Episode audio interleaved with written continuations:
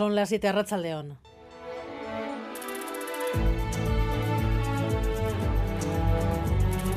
Gambara con Arancha García.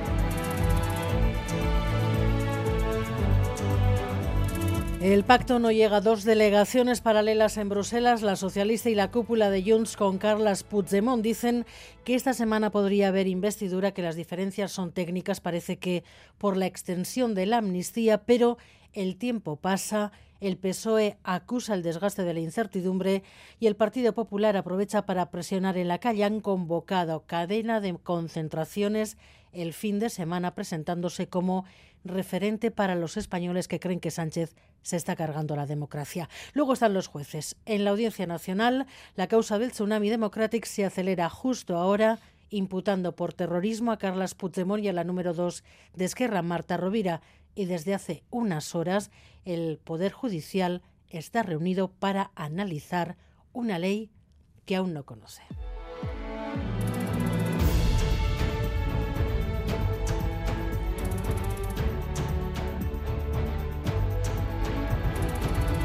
Quieren que nos olvidemos, pero lo vamos a recordar todos los días. Quieren amedrentarnos. No hay bloques. Hay una élite política privilegiada que no cumple las leyes y el resto de la mayoría de los ciudadanos que pedimos que España siga siendo un Estado de Derecho donde las leyes se cumplen y las leyes son iguales para todos. Así plantea Feijó la investidura de Sánchez llamando a la movilización contra las élites privilegiadas que dicen no cumplen la ley. La presión del PP sube este fin de semana más concentraciones y en paralelo entran en función los tribunales. En la Audiencia Nacional se reactiva la causa del tsunami democrático, clasificación, calificación, terrorismo, imputados Puigdemont y la secretaria general de Esquerra, Nerea Sarriegui.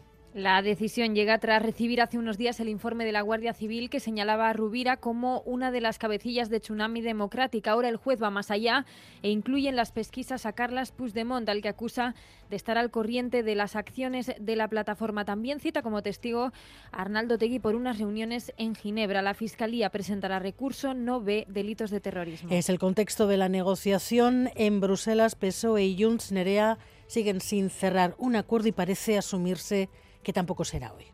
Sí, estas decisiones judiciales no afectan a las negociaciones que continúan y los movimientos son impredecibles, pero a esta hora todo hace pensar que la firma no llegará antes de mañana. Una delegación de Junts sigue en Bruselas junto a Puigdemont y también la del PSOE con Santos Cerdán a la cabeza. Nadie se atreve a fijar la fecha, pero esta es la semana en la que el PSOE quiere nombrar a Pedro Sánchez presidente del gobierno. En cualquier caso, a la investidura le faltan más votos y el Endacari ha recordado hoy a Sánchez que el voto del PNV aún no se lo ha ganado. Creo que no solamente es eh, la resolución de las conversaciones entre el Partido Socialista Obrero Español y Junts lo que queda pendiente. Creo que queda pendiente algo más también. La legislatura anterior había un compromiso por parte del gobierno español que no ha cumplido y creo que esa es una base suficiente para saber cuál es el compromiso que un gobierno español futuro habría de tener para con el autogobierno singular y reconocido.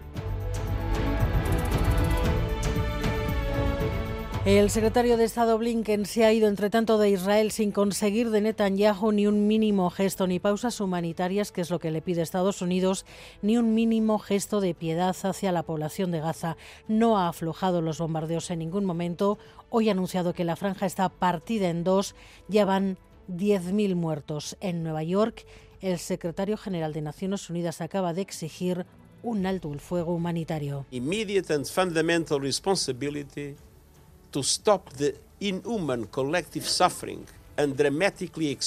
los últimos presupuestos de la legislatura, entre tanto, han comenzado su trámite en el Parlamento, los últimos del consejero Azpiazu, que hoy ha anticipado su despedida con mano tendida a la oposición, aunque de partida ni EH Bildu ni el Carrequín ven mimbres para el acuerdo. Son continuistas porque efectivamente hay que continuar financiando aquellas competencias que el gobierno tiene, pero sí marcan la diferencia en muchas de las cuestiones, en muchas de las políticas que yo creo que son importantes, que tienen sus prioridades. Se nos acumulan problemas, problemas estructurales que son derivados, algunos de ellos, eh, de su mala gestión. El planteamiento es inercial, es un presupuesto para nosotras de tirar la toalla. Plantean un aumento a bombo y platillo, un gran aumento en, en Osakidecha. Sí es cierto que, que Osakidecha aumenta, pero bueno, no, no aumenta más de lo que aumenta el presupuesto en su conjunto. Y entre los anuncios de esos presupuestos 2024, la RGI subirá un 5%. Una docena de coches, entre tanto, han terminado con las lunas rotas después de que un hombre la haya emprendido a golpes contra los coches aparcados. Ha sucedido este mediodía en Donostia, en el barrio de Eguía. David Beramendi. Sí, a plena luz del día, sobre la una de la tarde, un hombre que parecía estar fuera de sí, con una barra de grandes dimensiones entre sus manos, comenzaba a romper las lunas de varios coches. Hay un, hay un loco rompiendo coches.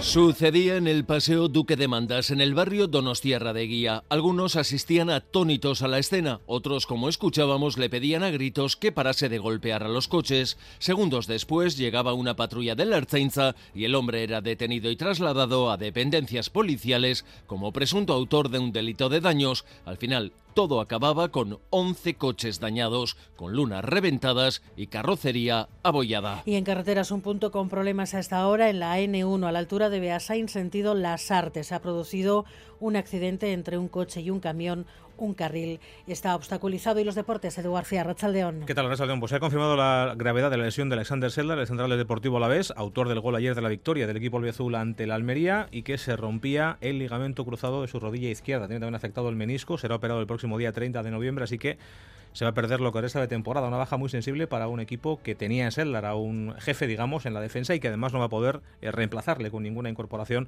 al menos hasta el mes de enero. Y además ya conocemos eh, quién va a pitar el partido de Champions este próximo miércoles en Anoeta entre la Real y el Benfica, un partido muy importante porque en caso de victoria prácticamente garantizaría el acceso del equipo de Donostia a octavos de final de la competición. Va a ser Anthony Taylor, un veterano colegiado británico, 43 años, uno de los mejores de la Premier y uno de los mejores en la historia de la Champions, pero que tiene una historia curiosa este mismo fin de semana. Pitó un penalti en un partido en la Premier que no fue, se equivocó y la liga inglesa ha decidido bajarle de categoría. La próxima jornada pitará partido en segunda división en Inglaterra y sin embargo el miércoles estará pitando un partido de Champions el Real Benfica del Real Arena.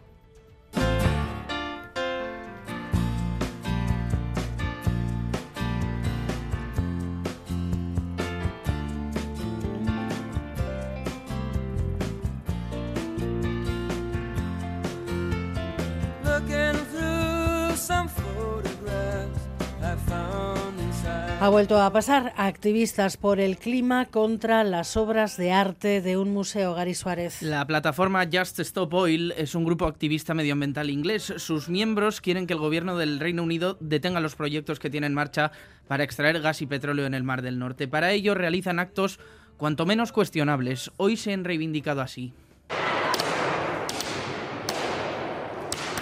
A martillazos contra el cristal que recubre la obra de arte La Venus del Espejo de Velázquez en la National Gallery de Londres. Después de unos cuantos golpes, los dos activistas han soltado las herramientas y han lanzado su proclama.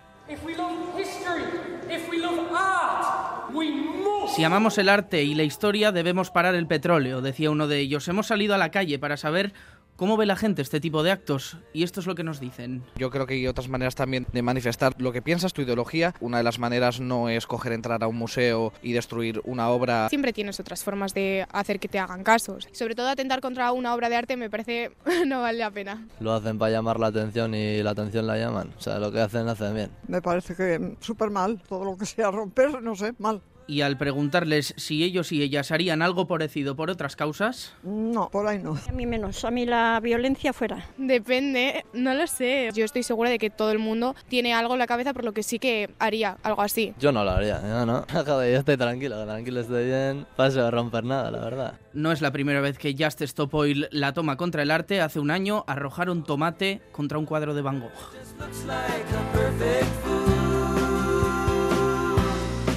So you go running off in search of a perfect stranger. While the loneliness seems to spring from fountain from a Miguel Ortiz y Arancha Prado están en la dirección técnica, Cristina Vázquez en la producción.